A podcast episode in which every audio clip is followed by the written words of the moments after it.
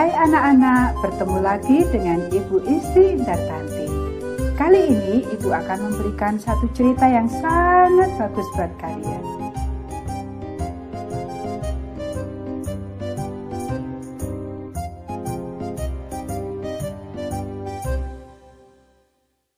Terjual demi semangkuk sup.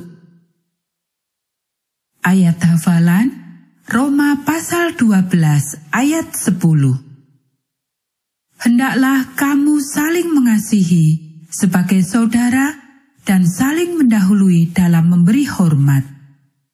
Pekabaran pelajaran ini, aku dapat mengasihi orang yang berbeda dariku.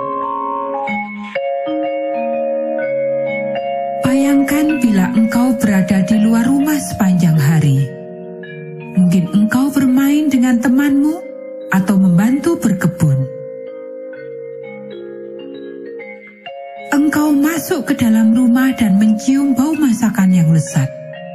Seseorang sedang memasak di dapur. Tiba-tiba engkau merasa lapar. Itulah yang dirasakan Esau suatu hari. Mari kita lihat apa yang sudah terjadi.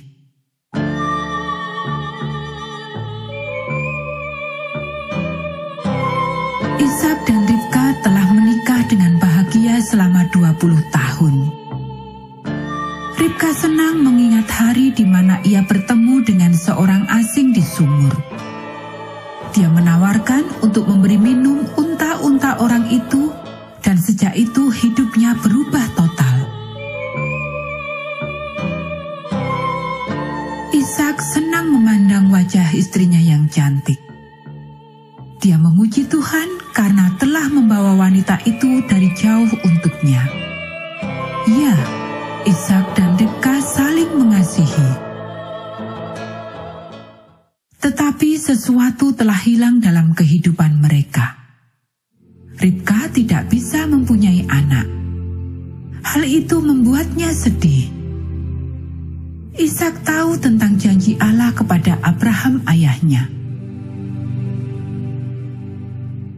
Allah telah memberitahukan Abraham bahwa keluarganya akan menjadi suatu bangsa yang besar. Ishak menghabiskan waktunya sepanjang hari memikirkan bagaimana hal itu bisa terjadi. Bagaimanakah sebuah bangsa yang besar bisa datang dari keluarga Abraham? Ishak, anak Abraham satu-satunya, tidak mempunyai anak sama sekali. Ini adalah suatu teka-teki yang menyedihkan. Teka-teki yang Ishak ingin untuk selesaikan. Akhirnya, Ishak meminta kepada Tuhan. Dia memohon supaya Tuhan memberikan seorang anak kepada Ribka. Dan Allah mendengar doa Ishak dalam cara yang mengejutkan. Ribka bukan hanya mempunyai seorang anak, tetapi dua orang. Allah memberikan kembar laki-laki kepada Ishak dan Ribka. Bahkan sebelum kembar itu lahir, mereka telah berkelahi di dalam perut ibunya. Ribka merasa sangat aneh. Tidak ada seorang pun yang dapat menjelaskan mengapa hal itu terjadi. Suaminya juga tidak dapat. Perawatnya pun tidak. Tidak ada seorang pun dapat menjawab pertanyaan Ribka. Jadi Ribka berbicara kepada Tuhan. Dia berdoa dan bertanya kepada Tuhan apa yang sedang terjadi. Allah menjawab doa Ribka. Allah memberitahukan kepada Ribka bahwa dua anak dalam perutnya adalah sangat berbeda. Menjadi awal dari dua bangsa besar yang berbeda.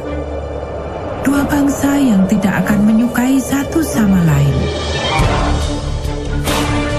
Anak kembar yang lebih kecil akan menjadi yang lebih kuat daripada abangnya. Ishak dan Ribka menamakan mereka Esau dan Yakub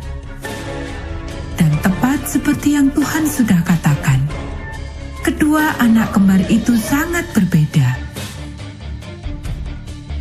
Esau yang paling tua suka mengadakan perjalanan jauh dari rumah. Bila dia menginginkan sesuatu, dia menginginkannya sekarang juga. Dia senang berburu dan sering membawa pulang oleh-oleh buat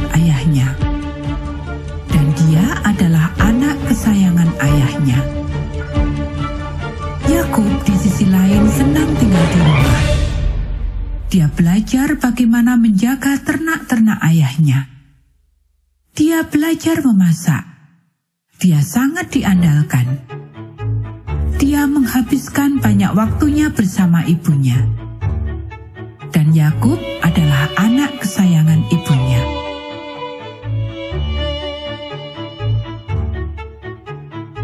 Suatu hari, Esau pulang ke rumah sehabis berburu. Lapar dan dia mencium bau masakan yang lezat. Yakub sedang memasak makanan yang lezat. Mungkin ia sedang memasak sup kacang. Esau berdiri di depan adiknya dan berteriak, "Saya lapar!" Kemudian dia meminta dengan sedikit memaksa, "Berikan padaku sedikit dari makanan itu." Yakub menjawab, "Apakah engkau benar-benar merasa lapar? Cukup lapar untuk menukar hak kesulunganmu dengan makanan ini?" Esau menjawab, Aku hampir mati kelaparan. Apakah gunanya hak kesulungan buatku? Lalu Yakub memberikan dua roti dan makanan sup itu. Esau memakannya dan meminumnya, kemudian dia berdiri dan pergi. Dia tidak peduli akan hak kesulungannya. Semua yang dia pedulikan hanyalah bagaimana perasaannya saat itu. Dan karena hal inilah, dia menyerahkan sesuatu yang seharusnya akan menjadi berkat